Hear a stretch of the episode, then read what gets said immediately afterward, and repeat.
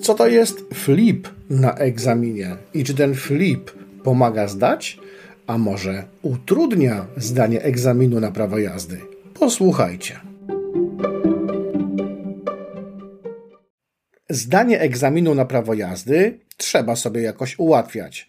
I takim ułatwianiem egzaminu jest stosowanie różnych skrótów, na przykład skrótów od wykonywanych czynności, czy skrótów od wykonywanych zadań egzaminacyjnych. Po prostu jest łatwiej. Część ze zdających, a także część z instruktorów nauki jazdy proponuje wykorzystanie bardzo fajnego skrótu FLIP. Kiedy się go stosuje? Stosuje się go przy zadaniu pierwszym, przy przygotowaniu do jazdy, czyli fotel, lusterka i pasy. Czy flip pomaga zdać? Oczywiście, że nie zawsze, a czasami wręcz umożliwia oblanie egzaminu na prawo jazdy. Dlaczego? Już ci to tłumaczę. Żeby ci to wytłumaczyć, to musisz wiedzieć, jakie czynności musisz wykonać w ramach przygotowania do jazdy na egzaminie na kategorię B. W pierwszej kolejności ustawiasz sobie fotel, czyli F. Później ustawiasz sobie lusterka, czyli L. Później zapinasz pasy bezpieczeństwa.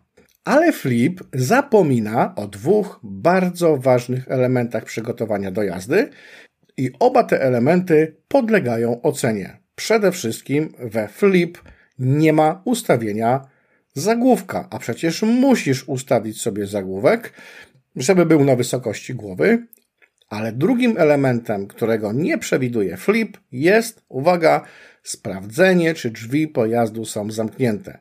I to jest najczęstsza przyczyna oblania egzaminu przy tym zadaniu. Jak rozmawiałem z egzaminatorem, 80% osób oblewa część pierwszą egzaminu na prawo jazdy za nieprawidłowe przygotowanie do jazdy.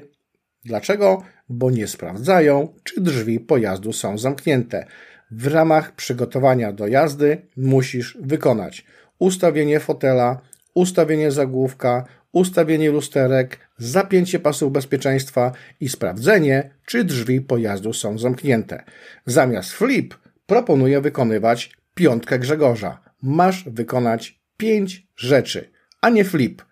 Drzwi bardzo często sami sobie na egzaminie nie domykacie i przez to egzamin zostaje niestety, ale oblany.